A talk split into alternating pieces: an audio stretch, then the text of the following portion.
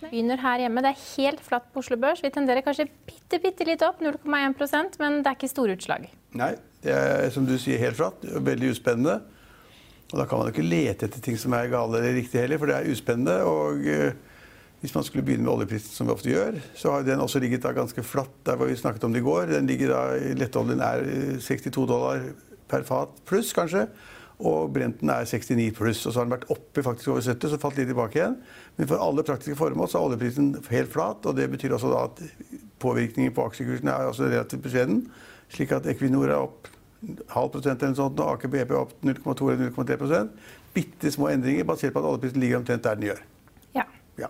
Og 77 er opp 2-3 for øvrig. Men altså markedet, markedet totalt er flatt, og for oljeaksjene er det også nesten flatt. Ja, men så har vi noen aksjer som likevel går mer enn andre. Vi kan jo kanskje nevne Norsk Hydro. De har jo en oppgang på 1,6% etter at det kom en melding om at de neste fredag, eller 12. april, så skal det holdes et, um, hva skal man si, en høring I Brasil? Den, i Brasil angående embargoen på Ja. produksjon for Ale Ja, Hydro har gått ganske mye de siste, de siste to ukene. Så har det gått liksom 2 den ene dagen og 1 den andre dagen. Men det må jo være på forventningen om at Det er forventninger om at de løser alle problemene i Brasil, at myndighetene sier at de har ikke gjort noe feil, og de skal ikke betale større avgifter, og bla, bla, bla. Og det tror veldig mange på. Så det er en oppgang, klar oppgang for Norsk Hydro for tiden. Ja. Og stiger i dag også. Og så har vi en annen aksje som DNB sier de er veldig positive til. En Røkke-aksje. Ja, det er så mange. Kverner. Ja, den følger jeg ikke i det hele Ja, nei, men De kommer med en kjøpsanbefaling på Kverner med et kursmål på 19 kroner. og Det gir en oppside på 46-47% faktisk, og gjør at en kverner stiger 6 i dag. Men det er sånn litt kjedelig røkkeaksje. Da. Da må man være spesialist for å se da, liksom, hva de har av ordre, hva de tjener penger på og hva de gjør riktig. Men- Men, Rex Silikon Ja. er jo en av vinnerne i dag. Den er opp 6-7 eh, 10 faktisk ja, hvor, hvor. Hvorfor det? Kan det være det at handels... eh, ikke. at Trump er ute og sier at nå er de så nærme en handelsavtale? Sannsynligvis er det det. For det er altså handel med silisium og da import- eller tollavgifter i Kina kontra da USA.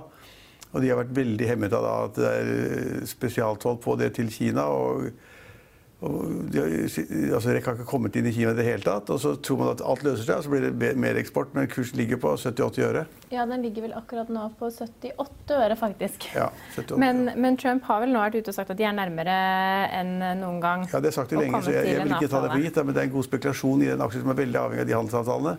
Så er det en av vinnerne på Oslo Børs i dag. Vi liker jo å snakke om laks. I går etter stengetid på Oslo Børs så slapp SalMar slaktetall for første kvartal. Som viste at de slaktet mer laks enn det som er ventet. Men det vi ser nå, er at begge, altså både SalMar og Movi er ned rundt 2 i dag. Ja. Og det tror jeg i hovedsak skyldes det en artikkel i Finansavisen, så det er viktig å følge og lese aviser. For der er, der er det en artikkel og intervju med de nordmennene som da driver med dette anlegget på land i Miami i Florida. Og de sier det at å frakte laks fra Norge til USA koster 17 kroner per kilo, sier de. Right or wrong. 17 kroner per kilo er ganske mye. Og så sier de at hvis man da bruker da kostprisen for eh, laksen og legger til fly, fly, flyfrakten, så er det oppe i 50-55 kroner per kilo. Og da sier de at det er jo fantastisk mye bedre å produsere laksen på land i Florida og sende den til New York med fly på 3-4-5-6 timer, istedenfor å da bruke 5-6 da dager på å få den fra norske oppdrettere til markedene i, i, i Kina eller USA eller hva det måtte være. Og Det er et ganske godt poeng da, hvis det er riktig, men da tar det lang tid før det anlegget blir stort nok. Veldig lang tid før de får liksom nok fisk til å tjene penger. Men nå snakker vi da liksom kanskje to-tre år frem i tid. Ikke nå. Men jeg tror at det har påvirket mark markedet for oppdrettsaksjer ganske mye. slik at grunnen til at det falt 2 i dag, er sannsynligvis det. Ja.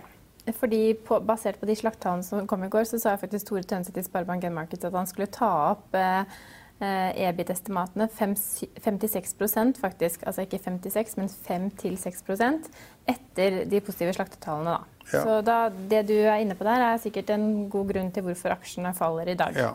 Ellers så har vi jo Nordea som kutter kursmål på Archer, men likevel så ser de fortsatt en oppside på 90% De tar kursmål fra 13,5 kroner til 10 kroner, og aksjen står vel langt under det i dag. Den står i 5,4 kroner. Ja. Men Archer er jo et sånn eh, serviceselskap for boring. og Hvis man tror at boremarkedet blir veldig bra, så vil det bli bra for Archer også. Men altså, det er litt frem, da.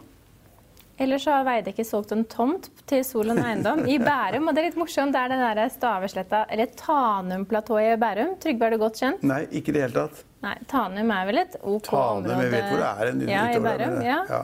Ja. Ja. Veidekke sier at de kommer til å få et resultat på om lag 40 millioner i andre kvartal da, etter det salget. Det hørtes ikke ut som veldig mye, da. Nei, men det er noen millioner likevel. Ja, ja. Eh, EM Solar falt eh, voldsomt i går, 40% ned, men stiger bitte litt i dag. Men det er fordi at den konflikten da med de, de italienske selskapene som de da hadde kjøpt sånne solparker av, den konflikten har gått et par år. Den er løst nå ved at en voldgiftsdom som da går i disfavør av eh, det selskapet, det Ja. norske. Og da, da Ja, det, det ble kostbart. De trodde de da skulle fri seg fra disse kontraktene. 31 solparker. Og det fikk de ikke til. Norwegian er jo da opp 2,3 eh, i dag. Jeg har sett at mange sammenligner det Kjos gjør på Twitter med det Elon Musk gjorde på Twitter, når det virkelig eh, haglet som verst rundt eh, Tesla. Ja, det har sett jeg også. Det, det er noe i det. Altså, det Elon Musk gjorde, det var veldig mye shorter i markedet. Altså veldig mange som shortet Tesla-aksjen. Så trodde han skulle straffe dem. Jeg har sendt en veldig positiv melding på Twitter, og da gikk kursen opp. Og da straffet man jo mange av shorterne, selvfølgelig. Ja. Som da ikke hadde regnet med at kursen skulle gå opp, men de hadde regnet med at kursen skulle gå ned. Og så fikk han da eh, børsmyndighetene på nakken, og de ga da to ting. De sa at du får ikke være styreformann, styreleder lenger. Det er jo ganske hard straff. Og så fikk de også en bot, så det skal man ikke gjøre. Og nå sier man da at når da Bjørn Kjos eh, twitter og sier liksom at jeg, nå har jeg vært og snakket med Boeing, og det er så gøy og sånn, og, og alt er så sikkert nå, da kan jeg ta med familien min på tur og sånn, så mener noen at det er på en måte da villede markedet, da, villede aksjonærene, på samme måte som Elon Musk gjorde. Ja, Det men, syns jeg er å trekke det veldig langt. ja, men Norwegian er i hvert fall oppe. Ja, men han har jo kommet seg på Twitter. Det er tydeligvis der vi må Ja. komme oss. Og jeg er der jo, Trygve, men kanskje du skulle fått Nei, en jeg kan, ikke ta, Twitter-profil? jeg kan ikke være flere steder. Jeg har mer nok med å sitte og skrive og følge med på det jeg gjør. Ja, men du vet at Donald Trump han våkner ikke før i sånn Nei, tid. men nå er det noen som har sagt det at, da, eh, noen som har sagt det at eh, Bjørn Kjos kommer til å kvitte seg med den kontoen ganske fort.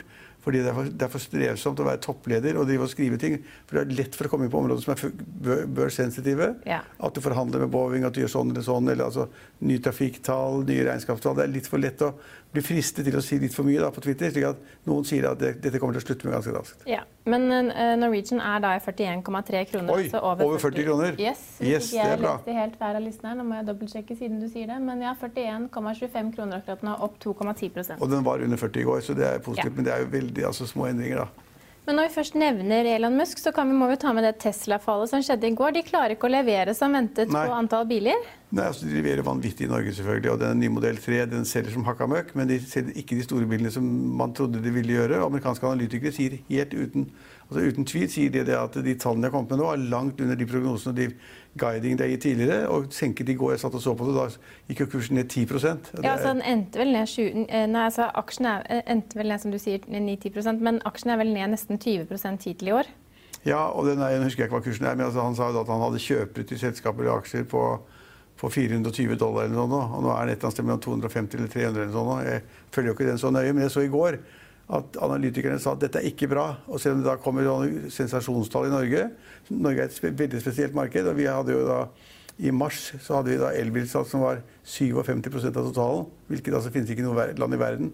For det har så masse fordeler. Fritatt for moms, fritatt for engangsavgift.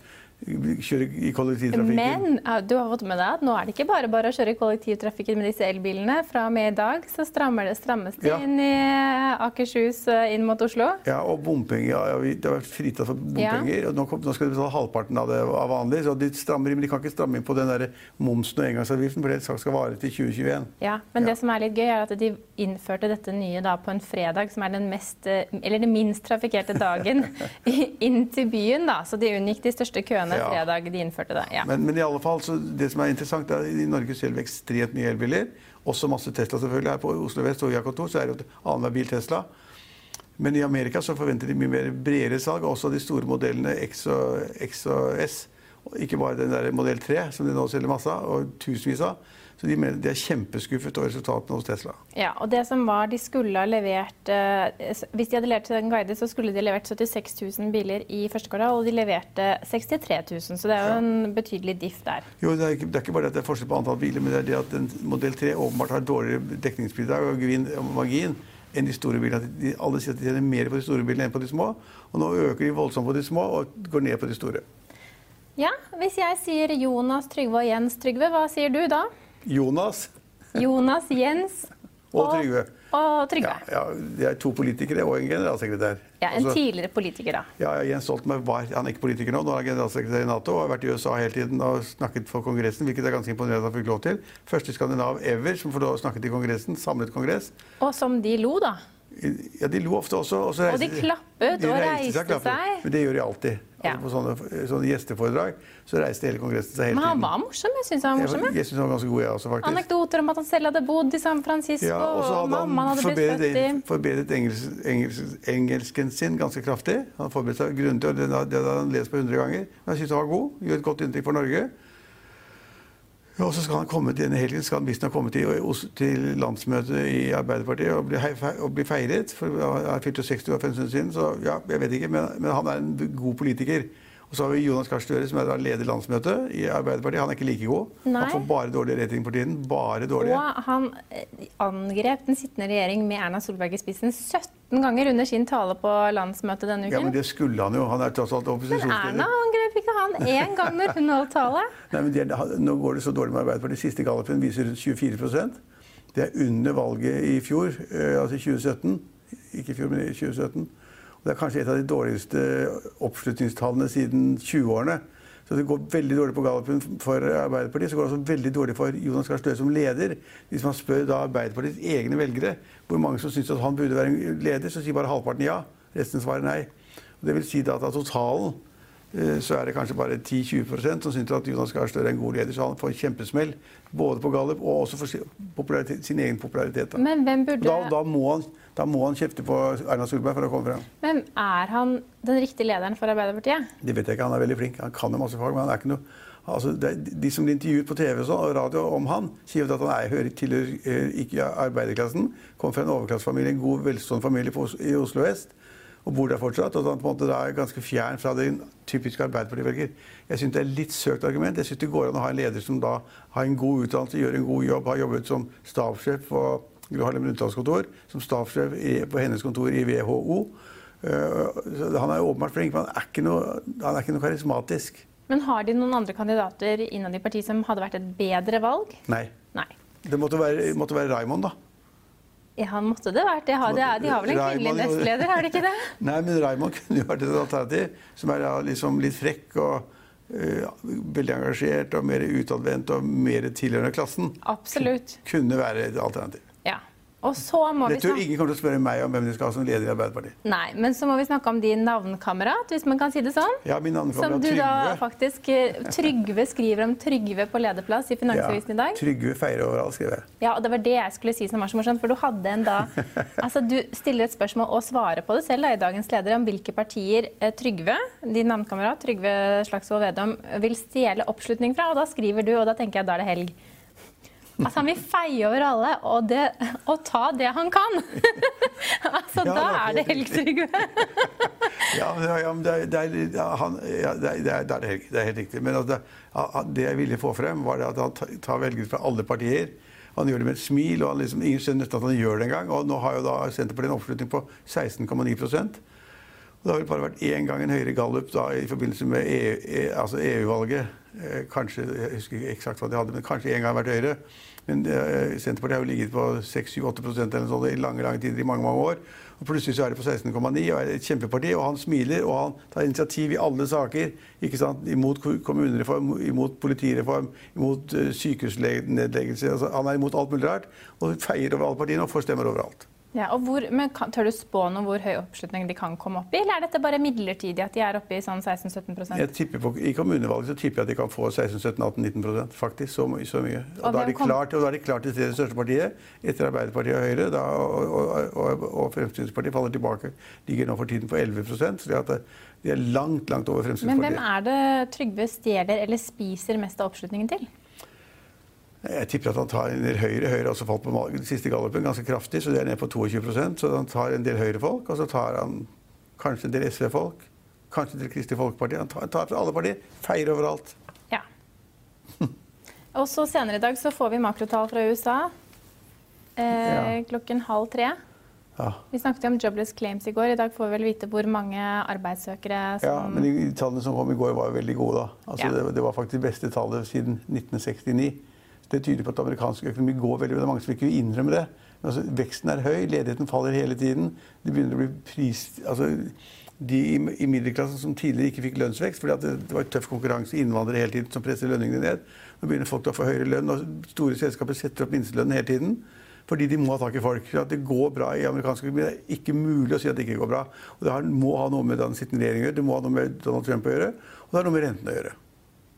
Og, men det er veldig få som likevel tror at det kommer noe renteheving med det første fra Fed. Ja, de tror, Nå snakker man om rentekutt. Ja, Eller at det i hvert fall ikke kommer til å heves. Nei, men det var jo snakk om at det skulle heve tre-fire ganger i år og tre ganger til neste år. Det er ingen som snakker om lenger. Nei. Det var hovedtrekkene. Da kan vi ta helg, da. Vi kan ta helg. Du har vel allerede gjort det, tror jeg. Etter vinner- og taperlisten skal vi se på teknisk analyse av hovedindeks Brent og valuta. Vi tar med oss oljeprisen. Brent-dollen er nå opp 0,12% til 69 dollar og 16 cent.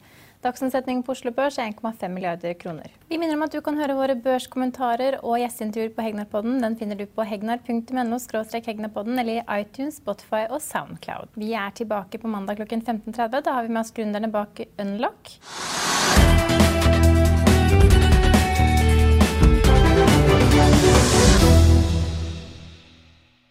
Økonominyhetene er en podkast fra Finansavisen. Programledere er Marius Lorentzen, Stein Ove Haugen og Benedikte Storm Bamvik.